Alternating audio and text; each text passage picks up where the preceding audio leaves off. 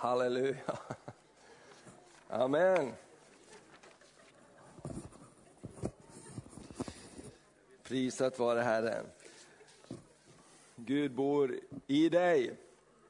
Idag blir det en stor predikan. Jag ska skriva ut eh, predikan så blir det en A3. Får se vad det blir.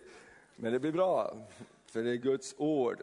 Vad härligt, jag har några hälsningar. Eh, igår så var jag på, i Gnarp på begravning, det var broder Stig Fagerhov, pastor där och grundare som gick hem till Herren. Och, eh, han har varit här flera gånger också, Stig Fagerhov. Hans son leder nu församlingen sedan ett antal år, han var 75 år och fick bara hastigt hembud, han hade haft problem med hjärtat och varit på konferensen och med på Eh, Europakonferensen på söndagen hade de eh, gudstjänst hemma och han var med och prisade Herren och bad för ungdomarna. Och på söndagarna gick de och la sig och på måndag morgon så hade han gått till himlen. Och eh, det var en fantastisk begravning och ett vittnesbörd över en person som, som trodde på Gud och, och levde en vision och, och, fick vara med och göra mycket. Bland annat så var han eh, med och, och reste det här korset. Han var en av de drivande krafterna för att korset i Hassela i Sveriges mittpunkt skulle eh, komma upp, var det 30 meter högt och står där. Och många andra saker. Han var, eh, jobbade aktivt i kommunen och så här. Och det var så härligt att eh, se också, han hade alla sina barnbarn som nu tagit emot Jesus och är med i Guds verk. De sjöng farfars sång, han brukar spela dragspel, liksom så gamla goa låtar de spelar. Jag tänkte vilken, vilket eh, arv att ge vidare, att barnbarnen har tagit eh, över också manteln och att vilja följa Jesus, en tro som de har sett hos sin farfar. Och jag tänker bara alla, fortsätt att be för dina barn och dina barnbarn. Ge inte upp, va? för de sa det var någonting som farfar alltid gjorde. Va? Och jag brukar tänka, han gav också flera profetiska ord till den här församlingen. Bland annat så gav han ett ord eh, att han såg eh, ett tåg gå förbi kyrkan här. Va? Ett tåg går förbi här och människor stannar till och från tåget kommer det människor som kom hit för att bli helade. Och då så var det kanske bara ett halvt år efter så kom de här planerna offentliggjordes med Botniabanan och sen lite senare så också sträckningen att vi ser ju järnvägen gå där. Och jag tänkte, Gud vet om vad som komma skall. Va? Jag brukar tänka på honom liksom. Och det, det är härligt, tänk att vi får leva i en sån här dimension när vi lever med Gud. Inte bara här och nu utan också helig ande vet vad komma skall. Va? Och vi får leva och, och, och i Kristi kropp så, så, får vi ta vara och, och på det och uppmuntra varandra. Så många hälsningar därifrån. Och så, så, så vi, vi, jag gav en hälsning där från församlingen och, och från, från också trosrörelsens församlingar, så det var underbart. Vi har också ett litet böneämne att be för här innan eh, vi ska läsa Guds ord. Eh, var vår broder från i, eh, Iran här som, som har en vän eller bekant som är pastor i Iran och han är under dödshot faktiskt. Och eh, vi ska be för den här. Han heter Josef Narakani. Ja, ungefär. Josef kan vi i alla fall. Och, och, jag tänker så här när jag fick den här lappen. Vi som kristna, vi sitter skönt här på Svedjeholmen i, i våra stolar och, och, och luftkonditioneringen blåser och vi har det bra. Men vi är också ihopkopplade med alla de som tror på Jesus. Alla de som har tagit korset till sig och böjt sig för korset. Så våra vänner i Iran som lever under helt andra förutsättningar får fira gudstjänst under helt andra förutsättningar. Som, som att stå upp och predika kan innebära fängelse eller dödshot och dom till, till och med. Va? Och, och, därför så ska vi bara stå tillsammans med, med Josef, men också med alla våra bröder och systrar. Det här är söndag morgon, det är uppståndelsens morgon. Över hela världen så samlas kristna idag, knäpper sina händer, ber och lovprisar Gud. Och vi har delaktighet med dem. Det är våra kusiner kan vi säga, alla ser inte ut som vi och låter inte som vi, men i anden så är vi bröder och systrar, Guds familj. Så ska vi lyfta upp Josef, pastor Josef i Iran. Lever han i Bagdad eller var lever han? Var lever han? Vilken stad? Okej. Okay. en provins. Halleluja, vi är inte så duktiga på geografin i Iran, men Jesus vet var han finns. Halleluja. Ska vi be tillsammans? Ska vi göra så vi kan sitta, men vi kan räcka varandra händerna, bara också i solidaritet så vi visar, vi är en familj. Och djävulen har ingen rätt att ta den här pastorns liv på något sätt. Herre, vi bara ber Fader för Josef i, i Iran just nu. Herre, han är en broder, han är en del av Kristi kropp, han är din tjänare som talar ditt ord, som betjänar människor i den helige Andes kraft där han finns Herre. Och nu bara står vi tillsammans Herre med alla de heliga och vi ber för hans räddning, vi ber att han inte ska dömas till döden, vi ber att han inte åh, ska, ska misshandlas eller försvinna, åh, som många andra gjort Herre. Så vi ber just nu Fader, om favör Fader, om äh, rätt människor som kommer Herre till hans hjälp, änglar som du sänder Herre för att förblinda det som ska förblindas och öppna det som ska öppnas. Herre, tack att vi lever i apostlagärningarnas tid Herre, där du kan lossa bojor, du kan öppna fängelsets dörrar Herre. Åh, jag bara prisar dig för det. Och vi proklamerar ut att vi står tillsammans i Jesu Kristi namn. Halleluja, med våra bröder bröder och systrar i Iran. Vi ber om en väckelse över dessa länder Herre. Vi ber Gud att du ska bli uppenbar Herre, så som du är. I Jesu Kristi namn, att din kärlek ska bryta ner allt hat. Vi ber dig om det, vi ber dig om det. I Jesu namn. Amen. Och allt folket sa det. Amen. Uh, lite mer än en vecka framåt från nu, på tisdag så har vi ett speciellt besök här i församlingen, lite i den här andan faktiskt. Det är två pastorer från Israel, en är jude, en andra är arab från palestinska området. Och vi vet, vi alla som följer med nyheterna och vet lite, vet att det, det är väldiga spänningar mellan judar och araber, mellan palestinierna och allt det här.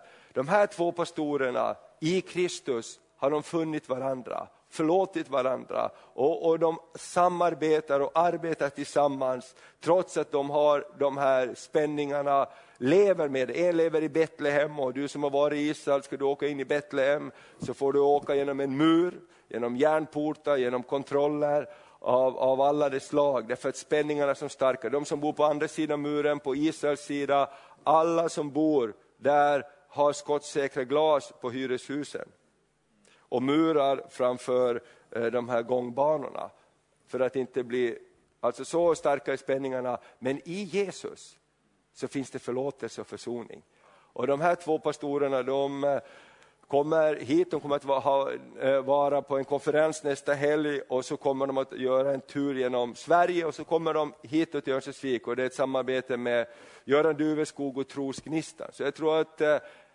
ta med dig människor den tisdag kvällen, också ofrälsta människor. Jag tror deras vittnesbörd är otroligt starkt. Hur, hur kärleken från Jesus kan verkligen bryta ner hat som kanske har varit i generationer. Och vi vet det, vi besökte en pastor i Betlehem och han berättade, min bror, han blev dödad därför att han sa, jag vägrar att förbanna Israel. Därför att Jesus, min frälsare, var en jude, kom från Israel. Och, och jag menar, så, så tuffa kan spänningarna vara, men kärleken som Jesus ger. Och det ger oss hopp, hopp för, för Iran.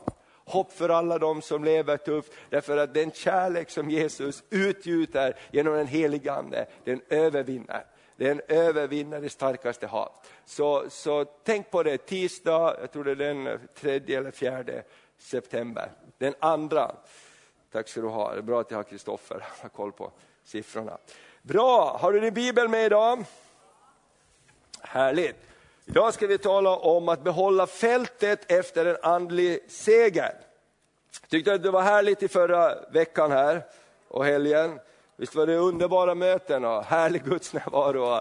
Jesus gjorde så många härliga saker och vi som församling fick en härlig uppmuntran också här av, av kyrkoherden, vad nu hette, Hans Wolfbrandt, som, som bara såg, redan första kvällen när han kom in så såg han en öppen himmel, att himlen var öppen här över, över scenen faktiskt, och här det var en öppen himmel. Och det är underbart, för det är därför vi prisar Gud här, vi upphöjer Jesus här.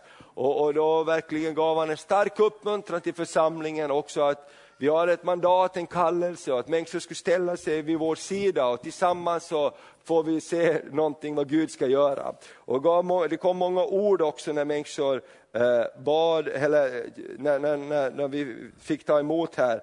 Eh, några av orden som han skrev ner och gav till mig. Auktoritet, den här platsen. Andlig känslighet.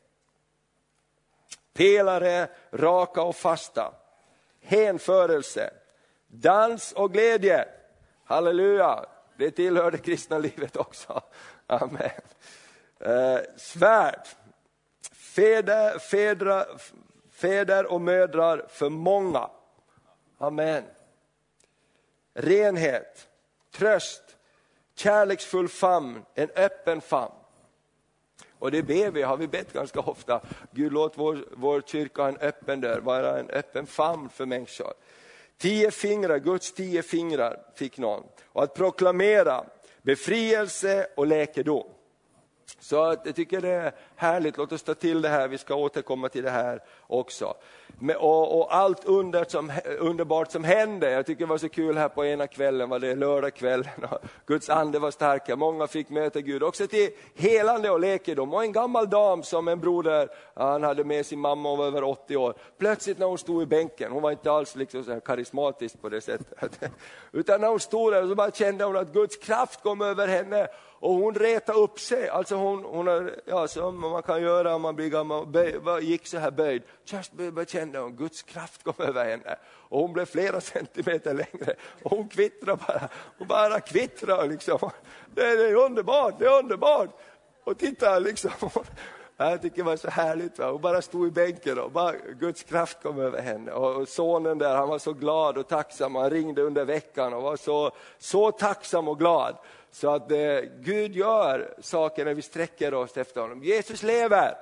Amen, Jesus lever! Halleluja, och den heliga Ande är verksam.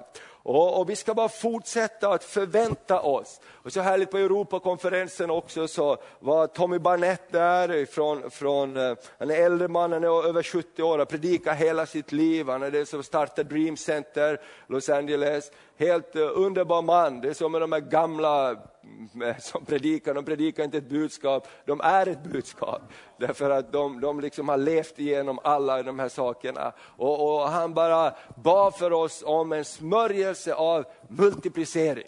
Och jag bara tog emot den där smörjelsen och låt oss bara tro Gud om en smörjelse av multiplicering över Guds rike, över våra liv. Amen tycker de här dagarna vi hade förra veckan när kyrkan var helt överfull, vi fick hitta alla stolar nästan och, som vi hittade och hade lånat in och, och, och det var fullt, va? det var en hunger efter Gud. Va? Människor här som, som uh, aldrig har sett i kyrkan förut. Och som någon sa, ja, för, för 15-20 år sedan var hon kristen också och brukade gå i kyrkan. Men nu kom de igen och stod med armarna upplyftade i, i lovsånger och prisade Gud. För jag känner de personerna också lite grann, tänkte, är det möjligt? Är det samma jag känner? Va? Men Guds ande, jag tänker det, det finns så många i den här staden som känner Guds hjärta. Därför de har tagit emot, de har bett Fader vår, de har bett kanske med mamma, pappa, farmor och farfar. De känner Guds röst. Och när Guds ande börjar verka så känner de igen Faderns röst, herdens röst. Så låt oss tro det här året att många ska komma till Kristus, tillbaks till Kristus och börja gå med Gud igen. Eller hur? Amen. Tänk när vi får bära in extra stolar en söndag. Halleluja. Tror du att det är möjligt? Amen, det är möjligt. Halleluja, för Gud älskar människor. Och om vi vill vara hans redskap och säga vi vill vara arbetare i din jord, vi kan bära stolar. Amen, halleluja. Eller som Lester Samral sa, vi kan vara en boxerbåt och boxera dem till Kristus. Jag tycker det är så bra. Va? Vi kanske inte kan allt och har allt, men vi kan vara en boxerbåt, vi kan vara en arbetare för Jesus. Amen. Härligt. Så efter en andlig stark seger så gäller det också att behålla fältet och, och bevara det Gud har gett. Därför att djävulen, han är en tjuv. Och Jesus sa i den här berömda liknelsen om såningsmannen, att när somt, eh, att såningsmannen, han bara sår ut sin sed. Och det är därför Gud, han är så generös. Han sår överallt. Finns det någon som vill ta emot, så ta emot. Han sår och det står somt föll på vägen och somt föll i diket och somt föll i stenig mark. Men somt föll i god jord. Och det bar mycket frukt. Och det är det jag tänker med allt det Gud gör. Gud låt våra hjärtan vara den här mjuka jorden där det inte bara fort växer upp och blommar och sen vissnar, utan där det får slå rot. Och du vet allt som slår rot, det tar lite tid. Ogräsen kommer fort upp i landet.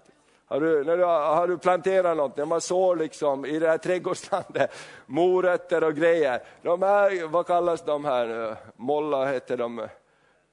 Ja, ja man, man sår till exempel redis eller morötter. Men långt före morötterna kommer så kommer det en massa andra grejer.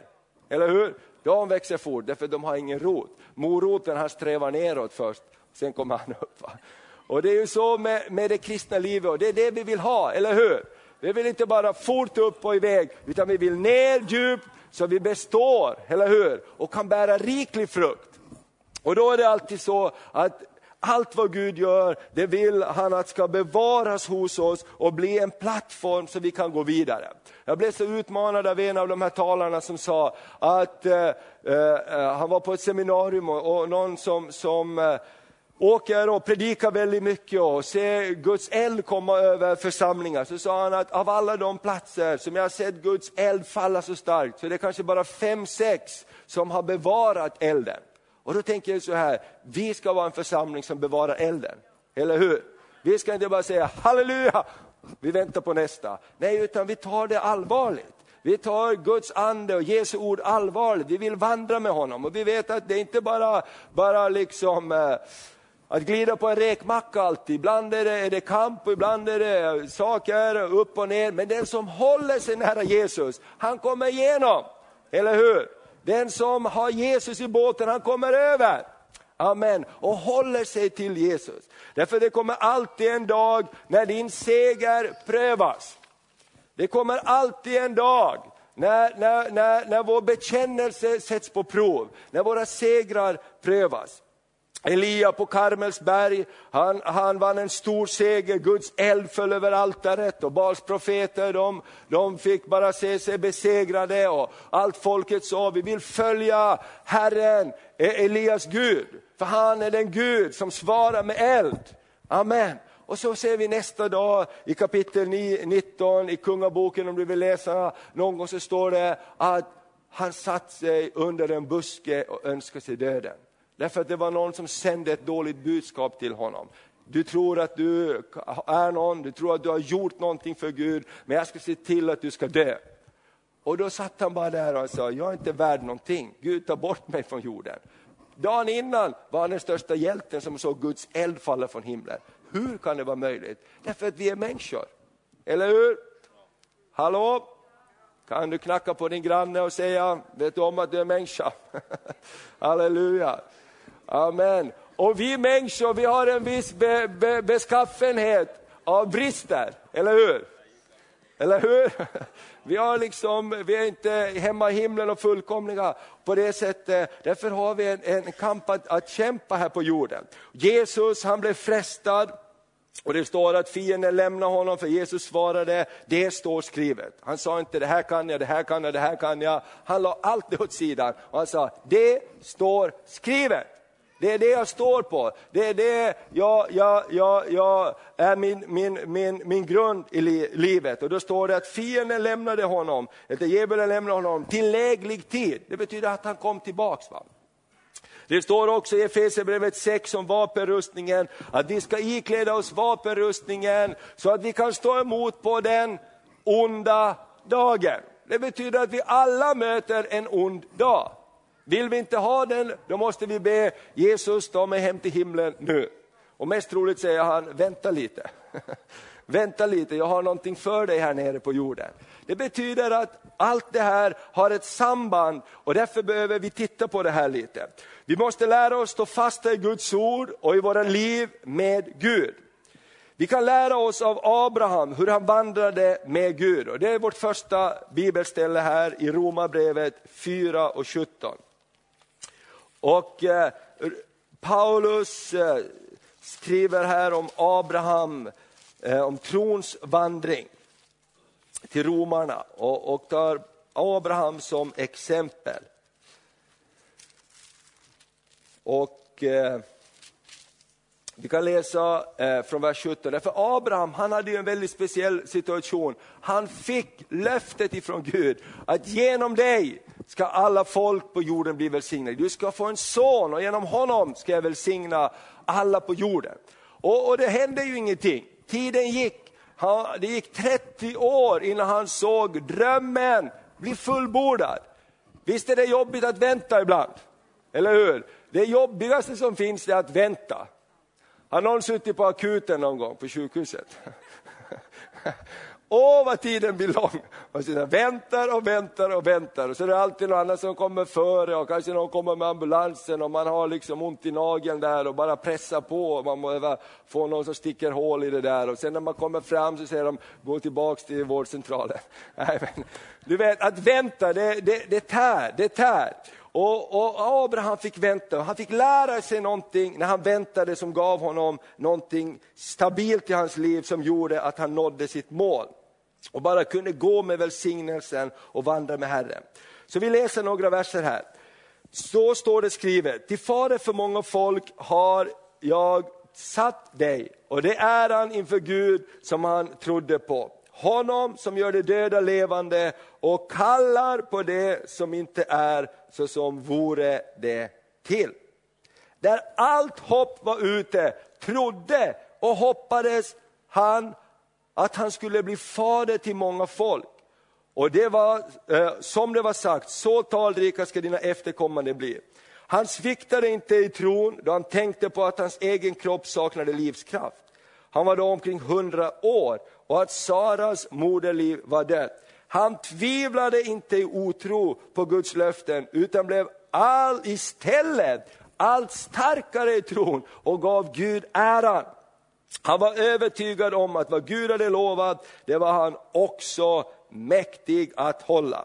Därför räknades det honom till rättfärdighet. Med dessa ord det räknades honom till rättfärdighet skrevs inte bara för hans skull utan också med tanke på oss. Rättfärdighet kommer att tillräknas oss som tror på honom, som från de döda uppväckte Jesus, vår Herre. Och här har vi Abraham. Vad kan vi lära oss av Abrahams vandring? Att stå fast i olika situationer. Också att bevara det Gud har gett. För någonting hände ju med Abraham. Han tappade inte hela tiden. Lot, hans brorson, han tappade det Gud hade gett honom. Först står det att, att han vandrar med Abraham och han, Abraham blev välsignad. Lot blev också välsignad. Och till sist så, så sa Lot och deras herdar började bråka, så då sa de låt oss skiljas från varandra. Abraham sa okej, okay, går du åt det hållet går jag åt det, det hållet, du väljer först. Så istället för att säga så här, Abraham, det är faktiskt på grund av att jag har varit med dig som jag är välsignad så gick han sin egen väg och vi vet att efter ett tag så, så kom det rövare och saker och, och, och röva bort och Abraham skickade sina soldater och, för att rädda Lot och, och hans gäng en gång. Det var då det står om Melkisedek, när, de, när han ger tionde, Abraham ger tionde av allting. Sen senare vet vi hur det går för Lot, han hamnar i Sodom och vi vet hur det går där. Och, och, så är det ingen bra story egentligen där med honom. Ändå räknas han också som rättfärdig. Men Abraham, han bevarar tron. Eller hur? Han bevarar det Gud har gett honom. Det är som att han går från seger till seger. Och Gud tar honom och lär honom att räkna stjärnorna. Nej, men det går inte. Gud säger ta upp sanden. Jag kan inte räkna den heller. Och Gud jobbar med Abraham. Han vill att hans liv ska formas. Amen. Fast han är så stor och välsignad. Och till sist så, så, så säger Gud till honom, nu Abraham, nu ska du ta ett till steg här. Du ska inte längre kalla dig Abraham, utan Abraham. Fader till många. Du ska inte längre kalla din fru Sarai, utan Sara ska hon heta, furstinna. Nu ska du börja tala och tänka på ett annat sätt, för jag vill verkligen välsigna dig. Vet du varför vi tappar välsignelsen ofta? Därför att vi tror att vi ska göra det. Vet du varför vi misslyckas ofta? Därför vi tror att vi inte ska klara det. Hallå? Eller hur? Varför tappar vi elden? Därför vi tror att vi inte kan bevara det. Hello? Och därför tror jag att det är viktigt att vi bara inser det här som Åsa sjöng här, låt oss gå till nådatronen, låt oss gå till Kristus varje dag. Låt oss varje dag erkänna vårt beroende av korset. Amen, jag behöver Jesus, jag behöver omvända mig, jag behöver ta mitt kors. Han är min sång och min glädje. Amen, jag kan bevara vad han har gett i mig. Halleluja, jag behöver inte gå upp, det var härligt. Och nu går vi ner och så väntar vi på nästa konferens och så kommer vi upp igen. Amen. Gud välsignar oss på konferenser, men Gud vill ta dig från härlighet till härlighet. Halleluja! Gud vill ta dig från härlighet till härlighet. Från styrka till styrka, från nederlag att komma igenom. När det är tufft så lämnar han dig inte där och säger nu får du vara där. Utan han säger, jag vet att om du än vandrar genom dödsskuggans dal så behöver du inte frukta något ont, för jag går med dig. Amen. Jag tröstar dig, jag hjälper dig, jag är din köld och skärm. Amen. Amen. Gud går med oss. Amen. Gud går med dig. Ska vi säga det? Gud går med mig. Amen, Gud går med oss. Och när Gud går med oss, då hjälper han oss. Det står att Gud kom till Abraham och sa så här, vandra inför mig. Vandra med mig. Gå med mig Abraham. Och det är det som är så spännande, att gå med Gud. Och vi, bara några punkter, vad kan vi lära av, av Abraham här? Nummer ett, han gav Gud äran. Nummer ett, Abraham gav Gud äran.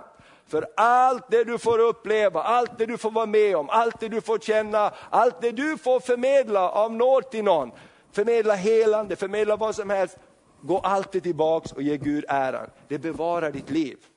Amen. Det bevarar ditt liv. Alltid ge äran till Gud, alltid gå tillbaks. Amen. Och, och, och Carl Gustaf sa det, tidigt eh, till, till, till oss när ni är ute på missionsfältet, när ni är ute och arbetar, tro aldrig att det handlar om dig. Ta alltid tillbaks äran till Gud och församlingen som har sänt ut dig, där du är inkopplad, införlämmad i, för det handlar inte om dig, det handlar om oss. Det handlar om Guds församling, det handlar om Jesus. Eller hur? Det handlar om Jesus. Så i allting, låt oss ge Gud äran, för då på något sätt så, så får vi ett beskydd över våra liv. Amen. Du vet, då kan vi säga så här som det var inte jag, det var han. Amen. Halleluja. För fienden kommer också attackera våra sinnen med alla möjliga saker. Då är det så bra att kunna säga, det var inte bara jag, det var han. Amen. Jag hörde en bra story igår, jag måste berätta det. Det var en pastor, inte jag, det var en pastor i södra Sverige som körde för fort med sin bil och polisen stoppade honom. En gång. Okay? Han fick böter, ah, jag måste skärpa mig. Sen två dagar senare så körde han för fort igen. Kan du förstå? Och polisen stoppade och tror du inte att det var samma polis som stoppade men den här gången var det ett helt annat område. De hade sån här övervakning, de körde med helikoptrar. I storstäder då övervakar de med helikoptrar ibland. Och då kollar de och så bara skickar de en signal ner till polisbilen. Det är en bil där, han kör för fort, han har kört om på fel ställe, kan ni stoppa dem? Och så, här, va? Och så säger den här pastorn till, till polisen, du, det här är jättepinsamt. För två dagar sedan satt jag ju här också. Kan vi inte göra någonting åt det här? sa liksom, Du vet, liksom, jag har inte betalat det, du vet hur det är. Va? Och så sa polisen, men vad ska jag säga till han där uppe? och, och pastorn visste inte att det var en helikopter som hade kollat. Att, ja, vad ska vi säga till han där uppe? Äh, skriv ut böter. Jag tyckte det var, var så bra. Och vi har den dimensionen med oss. Halleluja, vi lever med handen uppe. Prisat vare Herrens namn. Så ge allt till Gud ära. Amen. Och håll igen på gasen ibland. Uh, Okej, okay. nummer två, vad, vad gjorde Abraham? Fortsatte att tro och hålla fast vid Guds löften på de områden där han ännu inte nått fram. För Abraham fick ju seger på många områden och det var härliga saker som hände. Han blev välsignad och han kom in i landet och etablerade sig i landet. Men han hade inte fått löftessonen. Alltså det finns alltid områden i ditt och mitt liv där vi inte har nått fram. Har du något sånt, om, sånt område? Så du bara, jag vill nå fram på det här området. Jag ser kanske någon vän har nått fram, någon annan har nått fram, men jag har inte nått fram på det här området. Vad kan Abraham lära oss? Jo, att i tro hålla fast vid Guds löften. Ge Gud äran och hålla fast vid löftena. Amen, du kommer att komma igenom. Amen. Kanske Gud arbetar med saker i ditt liv, kanske Gud håller på att forma saker, kanske du inte vet vad som ligger framför. Inte vet vi alltid varför, men vi kan välja att hålla fast vid vad Gud har sagt. Amen. Varför dröjer helandet? Inte vet jag. Men vi kan veta någonting, vi kan hålla fast vid vad Gud har sagt. Amen. Det var en, Katrin Kuhlman som sa det också, hon uppmuntrar också att inte, inte bara försöka förklara alltid varför inte saker händer så fort och varför det inte händer. Hon sa, ett vet vi, det är att Jesus har dött på korset. Han tog våra sjukdomar. Och hon sa det också uh, att det är den första frågan jag kommer att fråga när jag kommer till himlen. För Katrin Kuhlman hon hade en väldigt stark uh, helande tjänst och den heliga ande verkar väldigt kraftigt genom henne. Och det kunde vara kanske ibland när det var massor av rullstolar så steg kanske 80 procent upp ur sina rullstolar. Men några satt kvar. Hon sa, det ska jag fråga när jag kommer hem till himlen. Men just nu så vet jag en sak, Jesus hjälper, Jesus botar. Amen. Och det tror jag att det är viktigt att vi håller fast vid det Gud har sagt. Inte försöker ge massa förklaringar varför. Vi är ju sådär analytiska, det händer det ingenting, då ska vi börja förklara varför och så bygger vi upp liksom ett helt berg av förklaringar som inte har kanske någon stor, det kanske inte är allting så. Eller hur? Så låt oss istället hålla fast vid det vi vet. Amen. Det vi vet det är att Gud är god. Det vi vet det är att Herren är min läkare. Amen. Det vi vet Karina, det är att Rebecka ska bli bra. Amen. När och hur, det vet vi inte exakt, men vi vet att hon ska bli bra. Halleluja, därför står vi tillsammans i Jesu namn. Och många sådana saker, låt oss hjälpas att hålla upp det. Låt oss hjälpa varandra att hålla upp sanningen, hålla upp löftena. Halleluja, vi vet inte allting, men vi vet någonting. Eller hur? Låt oss hålla fast vid det vi vet, att Gud är god. Amen. Okej, det tredje. Tron ger oss ro och frid i våra liv när vi förstått att vi blivit rättfärdiggjorda genom Jesu verk på korset. Det var någonting här med det här vi läste med att han blev rättfärdiggjord genom tron. Tron på Gud ger oss ro. Amen. Ro ibland att vänta. Tro ibland att ta ett steg, men tro också att lita på Gud. För att jag har inte frälst mig själv. Rättfärdiggörelsen är en gåva. Vad är det att vara rättfärdig? Det är att ha rätt ställning inför Gud. Amen. Vet du vad de flesta kristna säger? När man säger jag tror Gud vill använda dig. Nej, inte mig. För jag, jag är inte klar ännu. Jag är inte redo, redo ännu. Jag är inte klar. Det är inte sant. Gud använder inte dig på grund av din prestation. Gud använder inte mig på grund av min prestation. Gud använder oss alla av sin nåd. Han har frälst oss och rättfärdiggjort oss genom sin nåd. Rättfärdiggjord det betyder att ha rätt ställning inför Gud. Jag kommer inför Gud till Guds nådstol som om jag aldrig hade gjort något fel. Det står att han, han har, Gud har ett fantastiskt hav, ett hav som kallas vadå? Glömskans hav.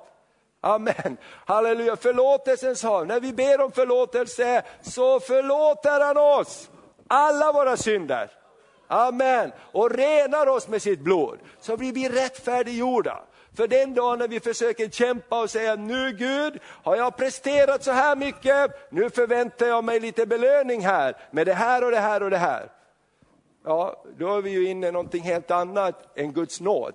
Men att leva med Gud och bli etablerad i rättfärdiggörelsen och prisa Gud för, Gud tack att du är min pappa och jag är ditt barn. Tack att du har förlåtit mig, du har gjort mig ren, du har gjort mig rättfärdig, du har lyft mig från mörkret till ljuset. Du satt mina fötter på en fast klippa. Halleluja, jag kan ingenting åt det, men du gjorde det för att jag bad om det. Amen. Och han har betalt priset, vi har inte betalt priset. Men vi får leva i hans seger. Amen, halleluja. Du är med på det segrande teamet när du vandrar med Jesus. Halleluja. Du har en underbar stark storebror som står upp för dig. Amen. Halleluja, du har hört storyn om, om boxningsvärldsmästaren va? Han som fightades och, och, och, blev världsmästare och fick den här miljondollarchecken. Och han var bäst av alla, han var övervinnaren. Och när han kom hem så visade han för sin fru, titta här, jag är champion. Så sa frun, får jag ta hand om den här checken? Hon blev mer än en övervinnare. Det var hon som tog hand om pengarna. Jesus har vunnit seger för oss. Halleluja. Alltså, jag tycker det är så härligt. Du och jag dog inte på korset. Han dog på korset. Halleluja. Och Jesus uppstod från de döda för att vi skulle få hans seger. Halleluja. På grund av rättfärdiggörelsen genom dom. Genom tro. Amen. Halleluja. Det är underbart. Det här är en väldigt härlig sanning. Och den är inte alltid så lätt. Har någon haft besök av herr eller fru fördömelse? Oj, oj, oj, oj, inte duger du till mycket, inte duger jag till mycket. Vi känner, kan vi få sitta Elia med dig under den där busken och bara dö och bara dra härifrån? Eller hur?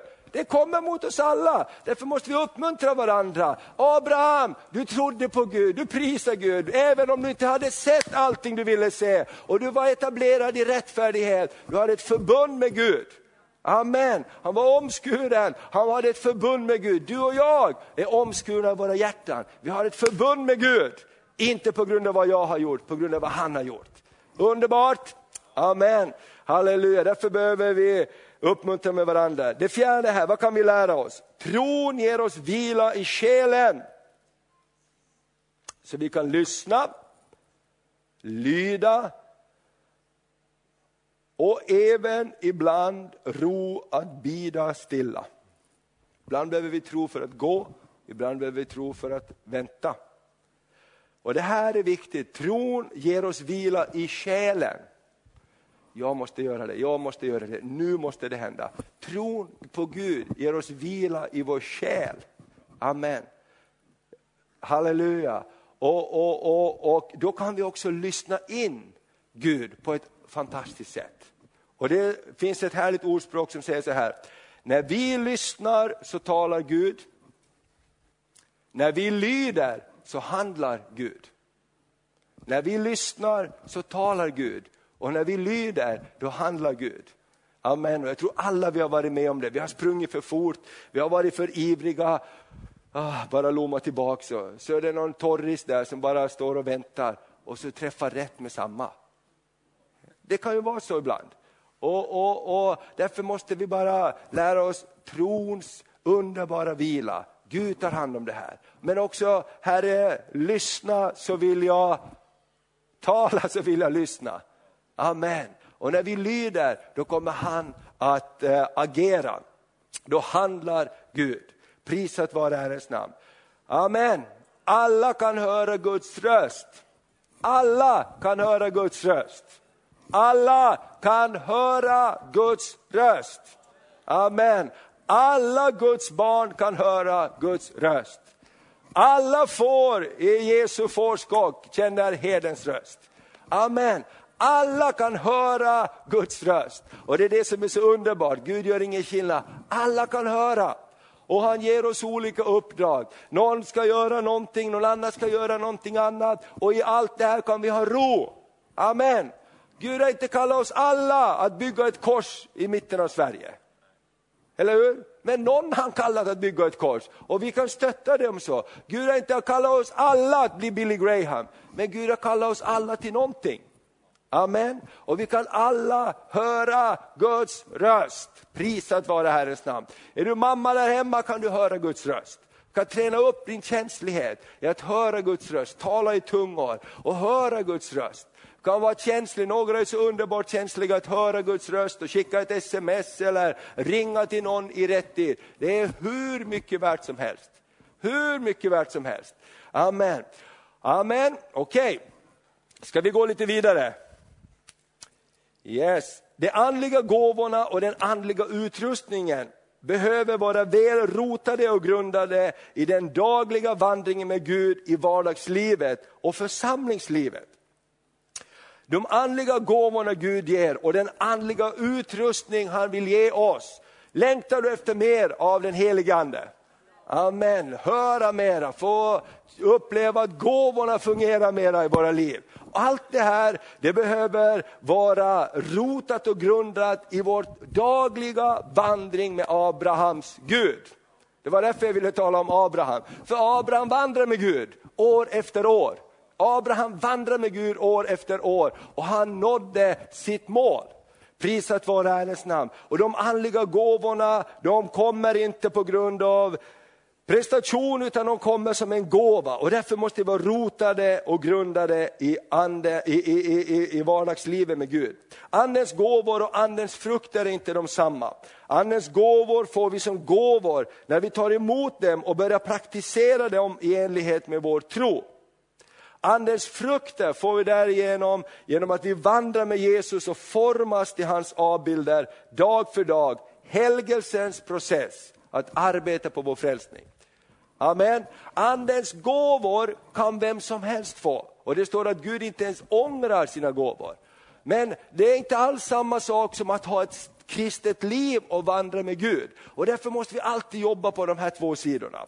Det här fick jag lära mig tidigt, redan som liten barn när vi var på andliga konferenser. Och, och, och, och, och eh, människor blev fyllda av den heliga ande, människor talade i tungomål. Och då var det alltid någon som man inte fick det gå ihop. Hur kan den här gör, vad, göra si och så och ändå verkar den ha så mycket andliga gåvor? Det var till och med så att det var en man där som han, han hade problem med alkoholen och han hade fallit dit. Men han var också en som hade tjänat Gud och hade andliga gåvor, profetians gåvor, olika andliga gåvor. Och det funkar även när han var berusad. Alltså han fick ju inte komma in på mötena där på det sättet, men han kunde ju vara där ute och be och, och, och profetera och så. Som liten grabb så funderar man, hur fungerar det här? Hur fungerar det här? För det var en, en, en andens liksom, närvaro där. Och då, och då bara fick man lära sig att Guds nådegåvor ångrar inte Gud. Men det finns en stor skillnad på att bära andens frukter. Och det är det Jesus söker när han kommer tillbaks. Det står i Bibeln så här att när Jesus ska komma tillbaka så ska det komma människor och säga, men vi har profeterat i ditt namn, vi har kastat ut demoner i ditt namn, vi har väckt upp de döda i ditt namn. Och Jesus säger, ja visst, men ni får gå för jag känner er inte. Det här är en väldig utmaning för oss att bevara andens eld. För Gud vill blåsa med sin eld. Gud att vi vill att vi, den här församlingen, du som är här, ska vara bärare av Guds eld precis där du är, där Gud sätter dig. Och då behöver vi vara rotade och grundade och ha vår målsättning på Jesus, jag vill bli mer lik dig. Jesus, mitt största mål är att jag ska bli mer lik dig. Jag vill gå helgelsens väg, jag vill bli mer lik dig. Så att desto mera vind du blåser över mig, desto mera eld som kommer över mitt liv. Åh, halleluja, jag kommer inte att spilla bort den. Jag kommer inte bara att flyta med, utan jag kommer att vara rotad, jag kommer att bära mycket frukt. Amen, halleluja, jag kommer inte bara gotta mig i det själv, utan jag kommer att dela med mig av det och jag kommer alltid, alltid, alltid att ge Gud äran. Amen. Jag kommer alltid, alltid, alltid att ge Gud äran. Prisat vare Herrens namn. Amen. Tror du på det? Amen, halleluja. Jag tror verkligen Gud vill komma med en smörjelse av multiplicering, både av sin kraft, halleluja, sin eld, sin närvaro i ditt liv, i mitt liv, över församlingen, över Örnsköldsvik. Amen. Halleluja. Och jag menar när vi hör Guds profeter säga, jag ser en öppen himmel. Då får vi säga amen. Halleluja. Amen, eller hur? Då måste vi också säga så här, hur ska vi reagera på det då? Vad intressant. Vad intressant iakttagelse. Halleluja, målar det alla lampor här eller? Hur länge tror du det öppna himlen kommer att vara här eller?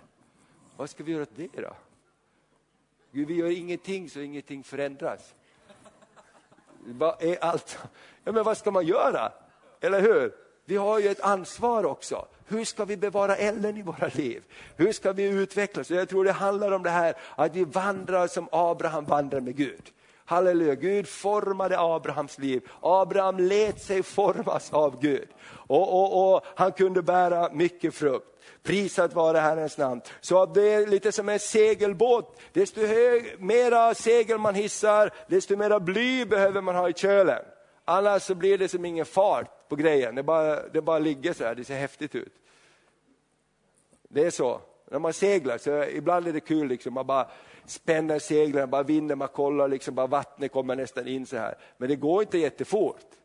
Så kommer någon lirare så här som inte alls har så mycket segel och bara seglar förbi. Därför att man behöver ha balans mellan det där, annars så bara ser det häftigt ut. Amen. Halleluja. Jag tror att Jesus är, är, verkligen för oss. Amen. Han är ganska intresserad av hans, att hans församling ska, ska, ska verkligen bli en räddningsark i den yttersta tiden. Okej, okay, vill du ha lite till här? Uh, den heliga ande hjälper oss med att få båda delarna att fungera. Paulus tar upp detta i brevet till församlingen i Korint. Jag har hållit på att läsa Korinthierbrevet de här veckorna här, dagarna, första och andra Korinthierbrevet. Väldigt intressanta brev. I Korint, det var en blomstrande hamnstad med allehanda influenser av folk och kulturer och religioner och ockultism och, och, och, och prostitution och allt möjligt. Uh, och, och uh, där så har det Paulus predikat och det blev en församling och de hade börjat bära mycket frukt. Och Paulus skriver till dem från Efesus för att hjälpa församlingen vidare och korrigera bristerna i deras tro så att de kunde växa till på ett sunt sätt. Och jag tänker så här att vi ska inte läsa hela Korinthierbrevet nu, men vi kan läsa första, några verser i första kapitlet, eller hur? För att när man läser sen Korinthierbrevet så är det väldigt speciellt om man tänker på vad Paulus först säger här. För i hela Korinthierbrevet så håller han bara på att förmana dem hur de ska leva i äktenskapet tillsammans med varandra, i samhället, att de inte ska bråka och slåss i församlingen, att de inte ska dricka sig fulla av nattvardsvin, att de inte ska roffa åt sig så en del är proppmätta och andra hungriga. Alltså, det är ju bara jättekonstigt hela tiden och han bara förmanar dem, kom i ordning här. Och så, så, bara, så undervisar de alla de andliga nådegåvorna. Och det är det som är så utmanande tycker jag, för det är precis det han börjar med som är hans vittnesbörd om vad som, hur den församlingen var. Då står det så här, från vers 4, första Korinthierbrevet 1 eh, och vers 4 till och med vers 9. Då står det så här, har du hittat det? Första Korinthierbrevet Första kapitlet, vers 4.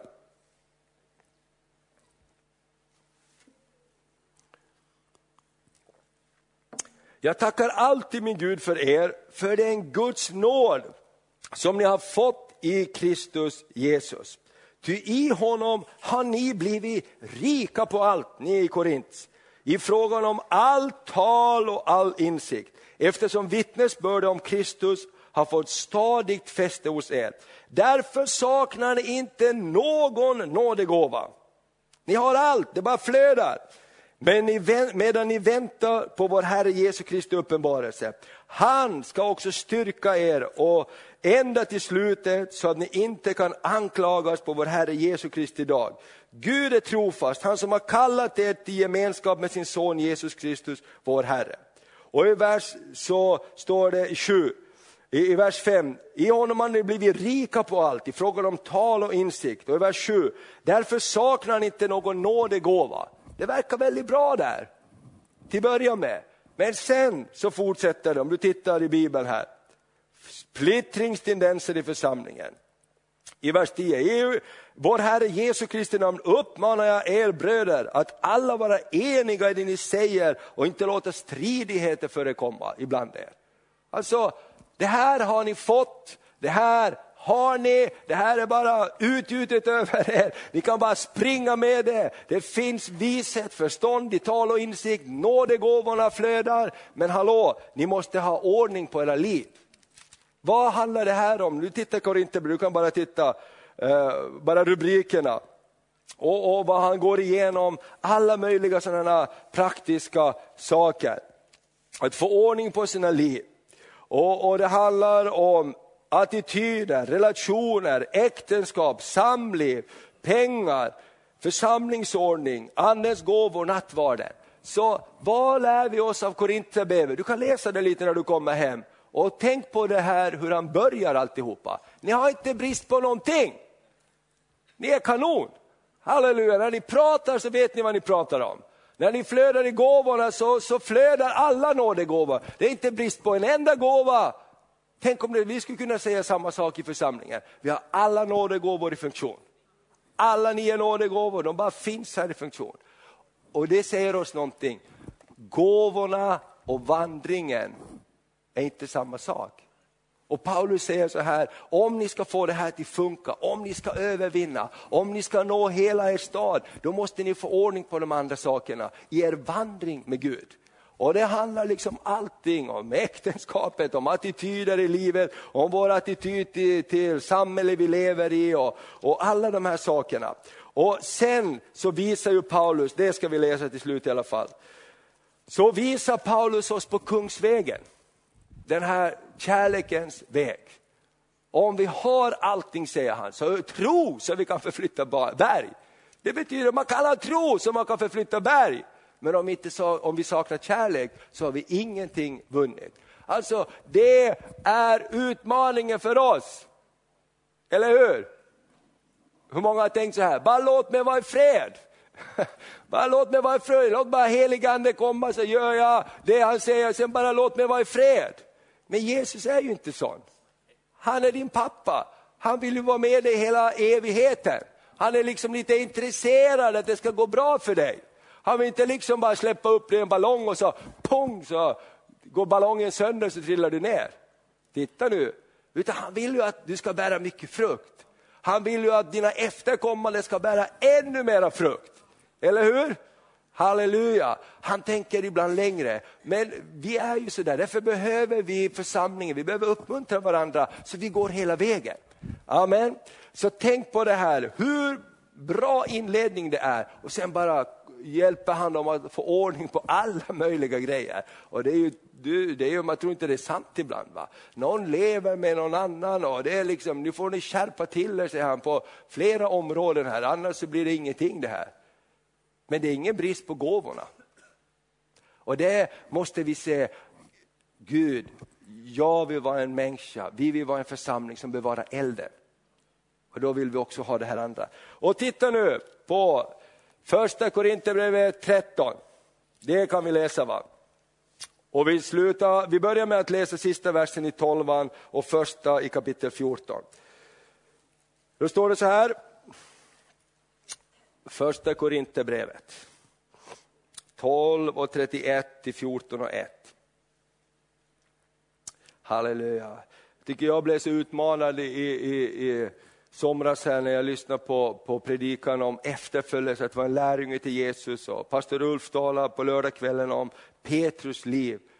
Och hur utmaningen i Petrus liv det var ju inte att göra alla grejer utan att formas till en Jesu lärjunge. Lägga ner sitt eget och bli fylld av anden och någonting annat fick bli hans styrka än hans egen styrka.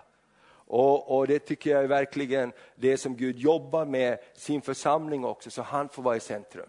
Så låt oss bara fortsätta alltid och prisa Gud och tacka Gud för en öppen himmel här. Amen. Förvänta oss att det ska bli ännu mer. Då står det så här. Men sträva efter den nådegåvor som är störst. Så vi ska inte vara rädda för nådegåvorna utan vi ska bara vara ivriga att få dem allesammans. Och nu visar jag en väg som vida överträffar alla andra vägar. Om jag talade med människors och änglars språk men inte hade kärlek vore jag endast en ljudande malm och en skrällande symbol. Om jag ägde profetisk, profetisk gåva och kände alla hemligheter och hade all kunskap och om jag hade all tro så jag kunde flytta berg men inte hade kärlek så vore jag ingenting. Om jag delade ut allt vad jag ägde, och om jag offrade min kropp att brännas, men inte hade kärlek, så skulle jag ingenting vinna. Kärleken är tålig och mild. Ska vi läsa det här tillsammans? Kärleken är tålig och mild. Kärleken avundas inte. Den skryter inte. Den är inte uppblåst. Den uppför sig inte illa. Den söker inte sitt. Den brusar inte upp. Den tillräknar inte det onda. Den gläder sig inte över orättfärdigheten men har sin glädje i sanningen. Den fördrar allting, den tror allting, den hoppas allting, den uthärdar allting. Kärleken upphör aldrig. Wow, det är så vi ska bli. Det är så vi ska bli mer och mer uppfyllda. Och jag vet inte hur det är med dig, men jag bara ser den här spegeln. Och mitt, om jag speglar med den här texten så ser jag att det finns lite förbättringsutrymme för Thomas Nordberg. Finns det förbättringsutrymme för dig? Amen. Jonathan håller med. Finns förbättringsutrymme för pappa? Det är det här som är, är, är, är moroten för oss, eller hur? För när vi har det så är tron verksam. Gåvorna är verksamma och det träffar rätt och det blir bestående. Och så slutar han så här i vers 13. Nu bestod tron, hoppet och kärleken, dessa tre, men störst är det med kärleken. Och vers 1 i kapitel 14. Sträva ivrigt efter kärleken, men sök också vinna de andliga gåvorna, framförallt profetians gåva.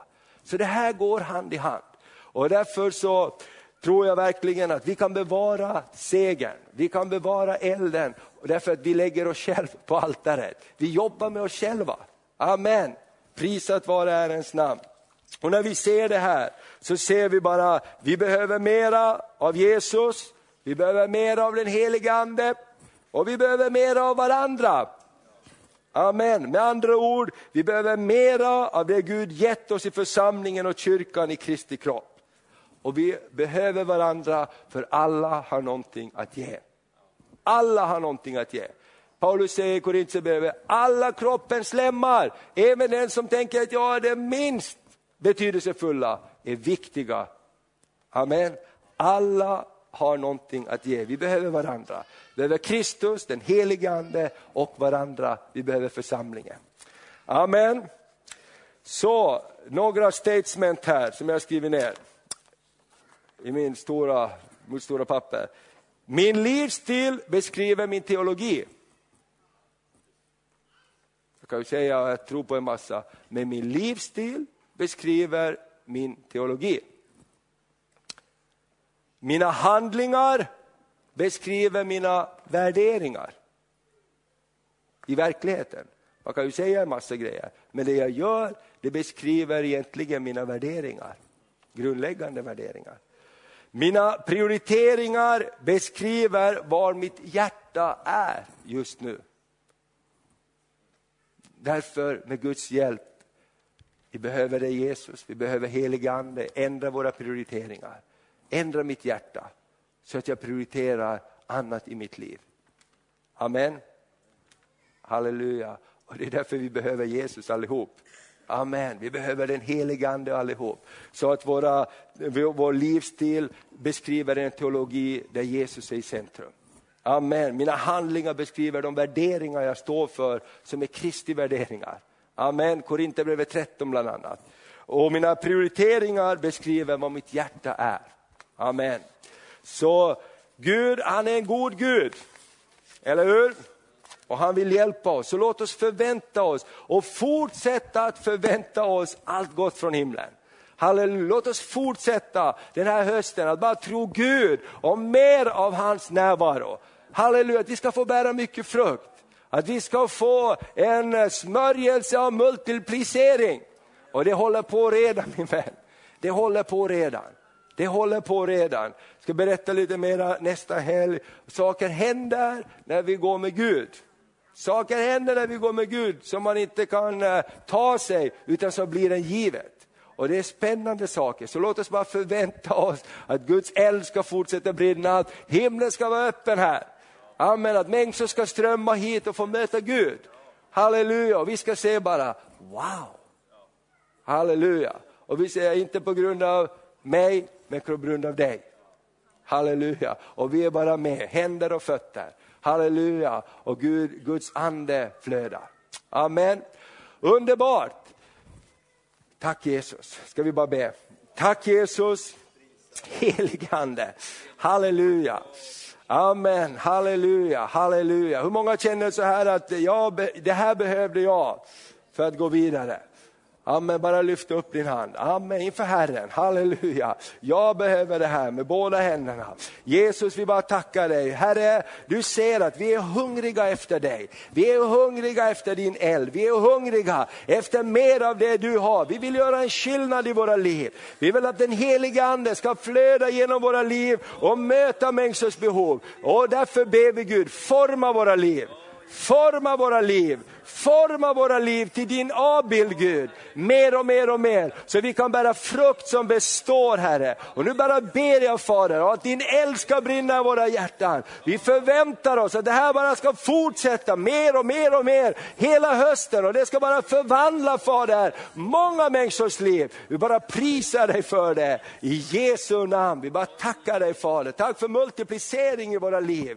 I Jesu namn. Amen. Amen. Det kommer. Du har bett om det. Han hör din bön. Halleluja.